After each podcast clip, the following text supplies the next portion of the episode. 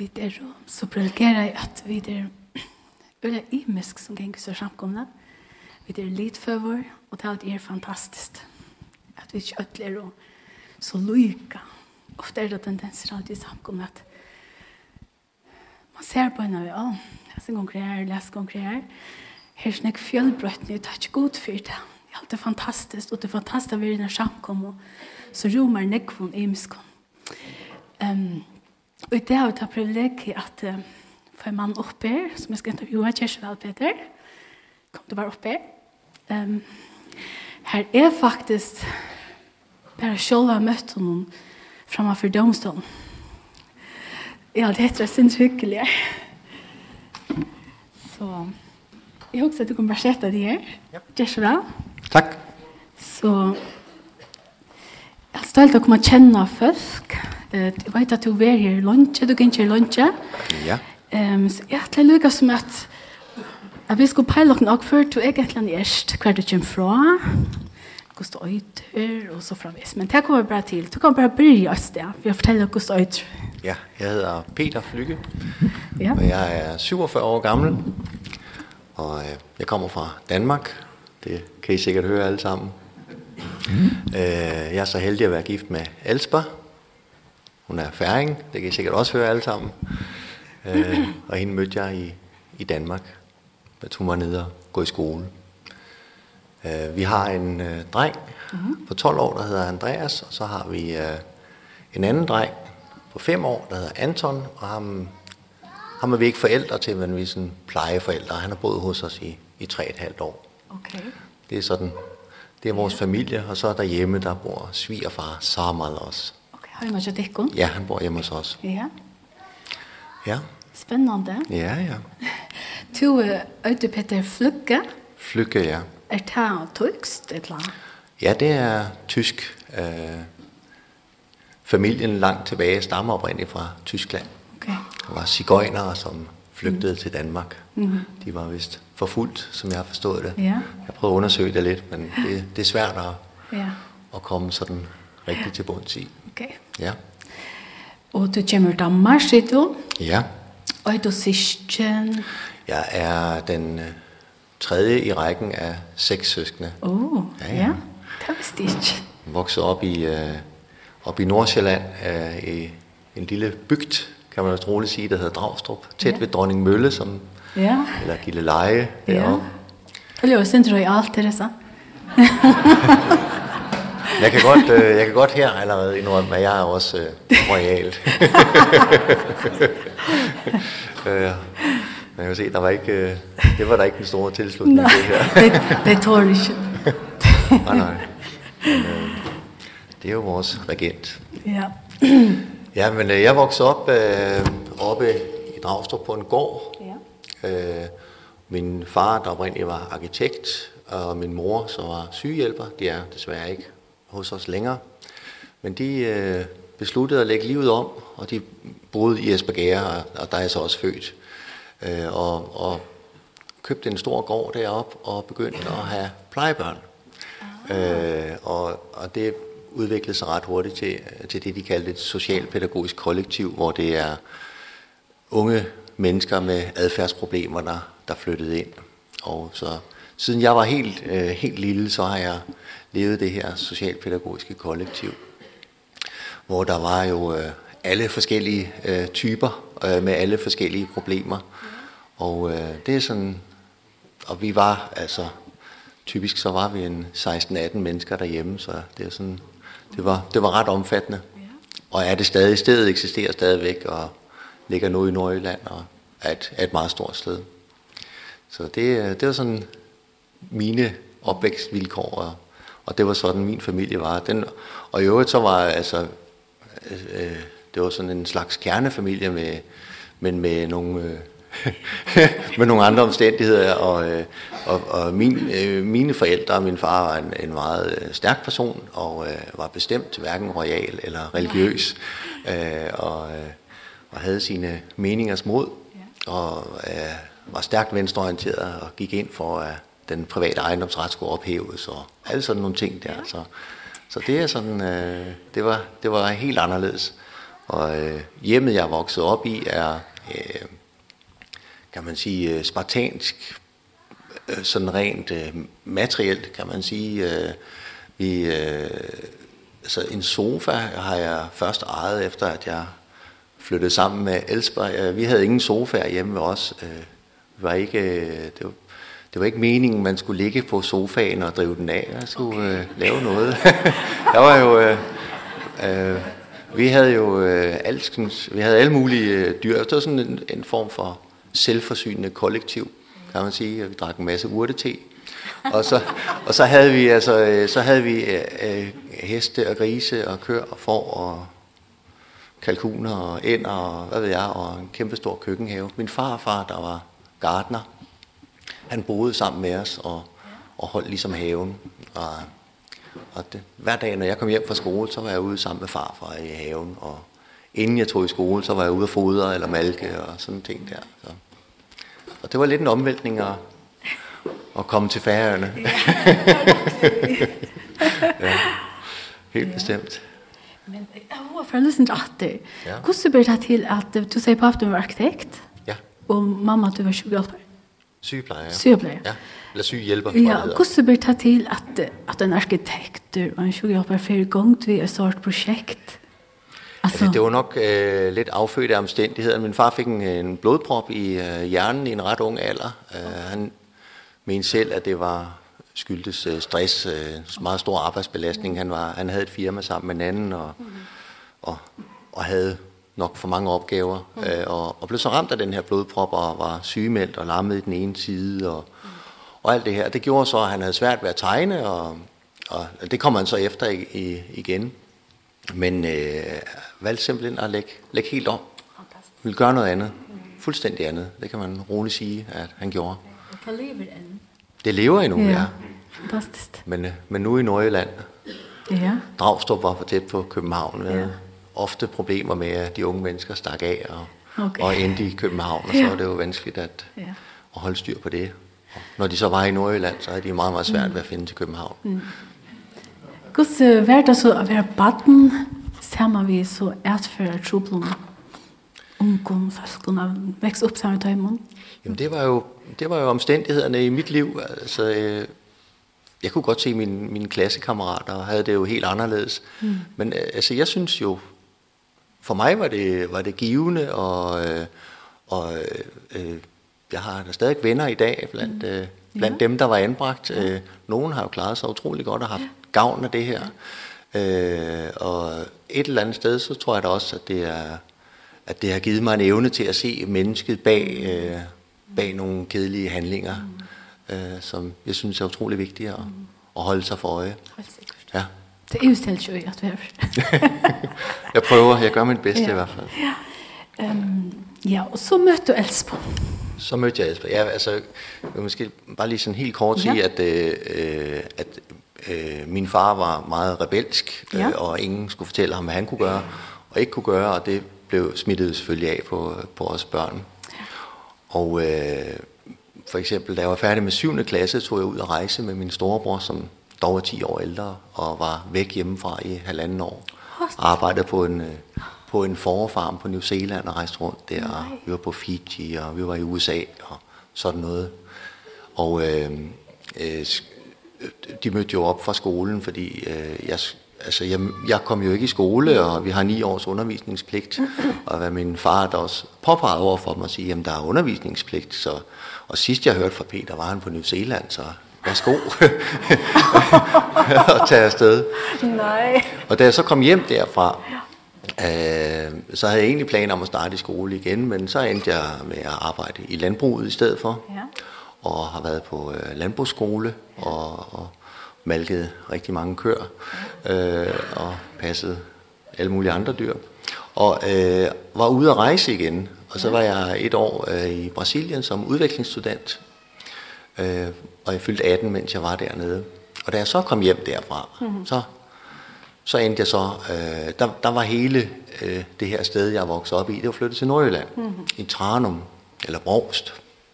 Det er der, hvor lyskrydset er, når man kører fra Hanstholm og til Aalborg. og øh, øh, hvad hedder det... Øh, da jeg så kom hjem, så vidste jeg egentlig ikke rigtig sådan lige, hvad jeg skulle stille op. Øh, nu er jeg ved at blive voksen, og så, og så endte jeg med at komme i lære som øh, rørlægger og arbejdede nogle år som det. Og øh, så blev jeg indkaldt til militæret og var i søværnet.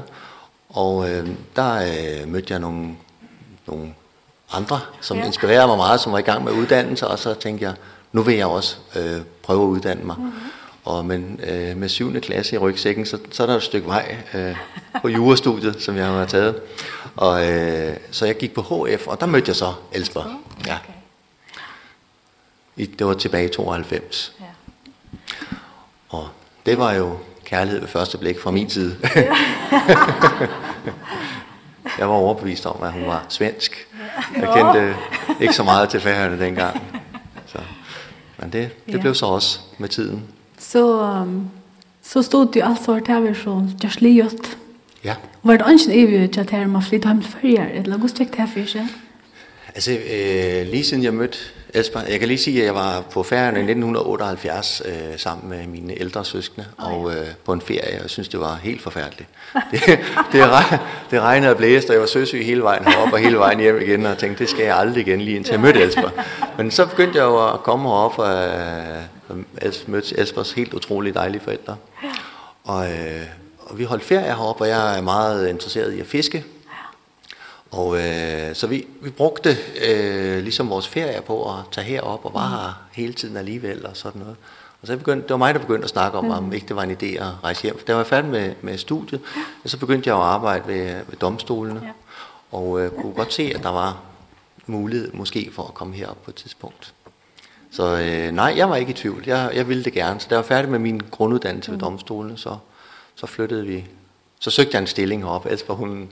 Jeg snakkede selvfølgelig med hende op, det, er klart. Og øh, hun sagde, jamen søg da bare.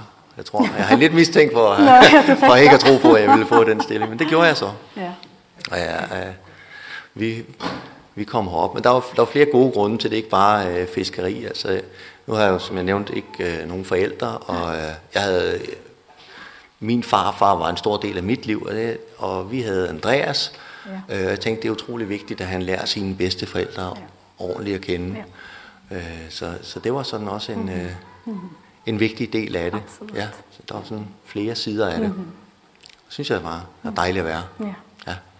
Vi er også glad for, at du er det. Tak for det. um, Du har så veldig flott en titel, jeg spurte det nemlig at det er såren skriverne. Og ja. jeg var en skrivare og såren, jeg fikk ikke ordentlig engang sammen. Um, hva er det? Altså, er det en dommer, eller hva er det? Ja, altså en, en sorenskriver er en dommer ved domstolene. Mm. Så retten på færgerne er jo en byret, som er i sin retskreds, på den måde forstået, er i, ved de danske domstole, mm. men øh, og fungerer her som, som en byret i Danmark og underlagt landsretten og sådan nogle ting der. Mm. Men øh, alligevel så er titlen heroppe sorenskriver, mm. og øh, i Danmark er den dommer. Okay. For det, det er det samme, men, men det stammer jo tilbage fra, fra den gang, hvor, øh, hvor færgerne hør, hørte under Norge. Okay. Og øh, der var domstolssystemet heroppe øh, sat sammen, ligesom der er i Norge, med lægmandsretter eller lavmandsretter. Ja. Og de havde så en, de her øh, lægmandsretter havde en svoren skriver, okay. som, som uh, tog sig af alt ja. det, det praktiske for dem, og mm. som det tit går med den slags, så ender det jo med at være skriveren, der mm. uh, bestemmer alt alligevel, og så uh, konsekvent heraf, så, så, så overlod man den uh, titel til, okay. til svoren skriveren. Og da Danmark så har overtaget Norge og mm dermed eller øh, afstået Norge undskyld øh, i 1814 tror jeg det var. Eh øh, der øh, der beholdt man så øh, den del herop, men ikke i, ikke i Danmark. Mm. Ja. Så du har blivit sårenskriver i Førjen? Ja. ja. Hvordan, hvordan blir man sårenskriver? Jamen altså, man skal jo have en, en, en juridisk kandidatuddannelse, mm -hmm. som jeg tog i Aarhus, og så skal man have, en, have relevant erfaring, og det har jeg jo så fået via mit arbejde ved domstolene. Jeg startede i Danmark som dommerfuldmægtig, hvor, som er en grunduddannelse, og så øh, kom jeg herop og, og, og havde så en stilling som dommerfuldmægtig her en okay. del år. Og sådan, øh, det, det blev man udnævnt til af okay. dronningen, så hende uh, jeg skylder jeg det stor tak. øh, og det, og det er sådan den, den højeste stilling, man kan få ved, øh, ved en byret, øh, som jeg er utrolig øh, bæret over at have fået, og ja. fået overladt alt det ansvar, som det nu indebærer. Men altså, det er en øyelig makt du har. ja, altså det, det, det talte vi jo også om, og det kan jeg da godt se, det er en, en stor magt, og det er også, der, det, er også det, der gør, at det er en, en, måske en vanskelig stilling at håndtere, fordi man har, man sidder jo med afgørelsesretten i, over mennesker øh, og, og ting. Øh, mm. Sådan. Øh, men øh, jeg ser det nok mere som et meget, meget stort ansvar, ja. som jeg kan mærke, øh, det, det er tungt at bære. Ja. Øh, men, øh, men det er så blevet overladt til mig. Og... Sørst du, sørst du nærkere standa for, fremme for domstolen, som kanskje har haft som trobløkker størst, men bo hjemme til dikken, da jeg to varst unger? Eller var altså, så, unger, så, så nogle skæbner? Ja, vi ja, man tror, at hun også er... Ja, i høj, i høj grad, og det er også noget, der... Øh, Ja. Der, der ligesom, øh, jeg har liggende i mig, at, øh, at det, er da, det er da vigtigt. Altså, jeg må også sige, at altså, jeg sidder jo med den dømmende magt, hvis man kan sige det sådan. Ikke? Men, men det, jeg dømmer, det er jo... Altså, det er nogle handlinger, som folk har foretaget. Jeg dømmer ikke mennesker, det, er, det har jeg slet, slet ikke hjemmel til, kan man sige. Vel? Heldigvis, ja. øh, det er jeg slet ikke kvalificeret til. Så øh, jeg, jeg skal bedømme de handlinger, som nu bliver indbragt for retten, hvis man tager for eksempel, mm -hmm. hvis det er det strafferetlige, man tænker på. Mm -hmm. Og øh, der er det jo øh, vigtigt at holde sig for øje, dels hvad det er, der er foregået og alt sådan noget, men også se bag om det, se, mm -hmm. øh, se det menneske, der sidder der. Og det er jo så utrolig nemt øh, nu om dage at give sin mening til kende på de elektroniske medier og have en ja. fuldstændig fasttømret holdning om, hvordan tingene er, og hvordan de ikke er, og hvordan de især mm. burde være, og Ja. Helt konkret, hvad dommeren burde have gjort, mm. og skulle Det en langt højere straf. Vi har nogle øh, erfaringer fra Danmark, hvor, hvor, hvor domstolssystemet hvor man bruger lægdommer, når man har straffesager, så har man mm. øh, domsmænd med, og så sidder man som den juridiske dommer, så har man to øh, andre dommere med, som ikke har en juridisk uddannelse. De må ikke have en juridisk uddannelse, Nej. eller tilknytning til domstolen i øvrigt. Og så ejer man tre om at afgøre sagerne, og der øh, må jeg sige, de afspejler ikke det, de øh, holdninger, der bliver tilkendegivet allerhøjest, altså at øh, jamen, en, en grov sag om, kriminal, øh, om vold for eksempel skulle straffes med 10 års fængsel sådan, overhovedet, mm. øh, der er det min erfaring, at de ligger typisk under, hvad der er praksis for at idømme ja. folk. Netop fordi man sidder der, man bliver præsenteret for det menneske her. Mm. Man får, øh, man får øh, et indblik i, hvad det er, der har ført til øh, de handlinger, som, som nu er blevet begået. Ja. Og, øh, og det synes jeg er tankevækkende. Mm -hmm. Ja. Hvordan er det så at leve i en så lyttelig samfunn som åker og er dommer? ja, øh, nu har jeg jo efterhånden 11 års erfaring ja. heroppe, men øh, jeg vil sige, at, at det, er jo, øh, det er jo også en, en udfordring øh, for ligesom alle andre møder folk igen og igen, så gør jeg jo også, øh, når jeg tager til fødselsdagen, når jeg tager ned og handle, og alle, alle de der ting der, jamen, så møder jeg jo folk. Og, øh, og der, der føler jeg jo bare ansvaret endnu mere, at, at øh, de ting, jeg gør, og de afgørelser, jeg træffer, jamen, det, at det er noget, jeg må stå indenfor. Og det, det er selvfølgelig ikke kun fordi, at nej, nej. samfundet er lille, men altså, øh, der kan jeg bare mærke, hvor vigtigt det er, at gøre sit bedste, altid gøre sit bedste. Og øh, og så, så kan man jo ikke gøre det meget bedre, men men det er der en det er uvandt for mig. Mm. Så det er helt uvandt for mig øh, i hvert fald i starten og og det her og det, og det giver jo også øh, man kunne også vælge at at bare trække sig tilbage og så kunne jeg bare ud og handle. Jeg tager ikke med til fødselsdag Nej. og sådan noget, men, men det vil jeg ikke. Altså jeg vil jeg vil også have mit sociale liv og så videre. Men jeg tænker, det det, det som som som påvirker mig er, jeg tænker, når jeg møder folk, jamen er det ubehageligt for dem at møde mig? Mm. Øh, fordi jeg må jo bare leve med det, fordi det, det er sådan, det er. Ja. Men omvendt så at sige, at det er jo en situation, som alle, er, mm. som alle kender, og alle er, mm. er i den situation mm. i et eller andet plan, og jeg ved ikke, om, om, det, mm. om det er så meget værre for mig, end, end for andre. Nej. Det, ja, det er svært, det kan jeg jo ikke svare på. Men det er der noget, som, ja. som jeg tænker over ja. og oplever. Nu har du ett sørste spørninger, skal nok ikke da for lunsj ut. Jeg husker bare at nå til livet er rebelsk og høyme, og som er høyre da, så lydes ikke nek akkurat trygg og førsk høyme, som nek var akkurat her, ikke ødelig av det, men nek. Um, um, og her vet vi er oppvoksen i sundagsskola og andre ting. Jeg vil trygg nekka sida for det? Ja, meget. Jeg er troende, og det er jo kommet til mig sådan efterhånden. Mm. Øh, og, og i særlig grad, da jeg så ligesom kom ind i Elspers familie. Mm. Og komme her er, er overvældende mm. for mig, øh, og er det stadigvæk, mm. øh, fordi det er uvandt. Det er ikke noget, jeg er vokset op med, mm. og, og alt det der. Altså, i mit hjem var det jo sådan egentlig forbudt. Man blev betragtet som lettere åndssvag, hvis man troede på Gud. Mm. Øh, det, det gav ingen mm. mening. Mm. Og alligevel, jeg har haft... Øh, altså, øh, strenge regler med alt det praktiske og alt det jeg skulle, ja. men øh, de ting som øh, som hvor vi andre måske tænker, er det nu hvad laver vores børn i byen og, mm. og sådan ting der. Der har jeg bare fuldstændig øh, frie grænser, fuldstændig. Ja. Eh øh, og alligevel har jeg altid haft et eller andet inde i mig, hvor jeg vidste at øh, nu nåede jeg en grænse. Ja. Hvis det ikke rigtigt var, hvor den kom fra, eller hvad det var. Og jeg ved bare, at øh, Herren han har arbejdet for mig. Mm. Tak for det. Ja fantastiskt. Ikke hvis det god skal signa det din arbeid, som jeg tykker er vanskelig vi først, som det er ikke når jeg kunne høre nøysene. Men uh, tusen takk for at du stilte opp, og at uh, Herren signa til og elsker på sin nær, så tykker Stora takk for at du la tårn opp enn du løy til deg. Takk for det. Takk, takk. Takk for det jeg måtte komme.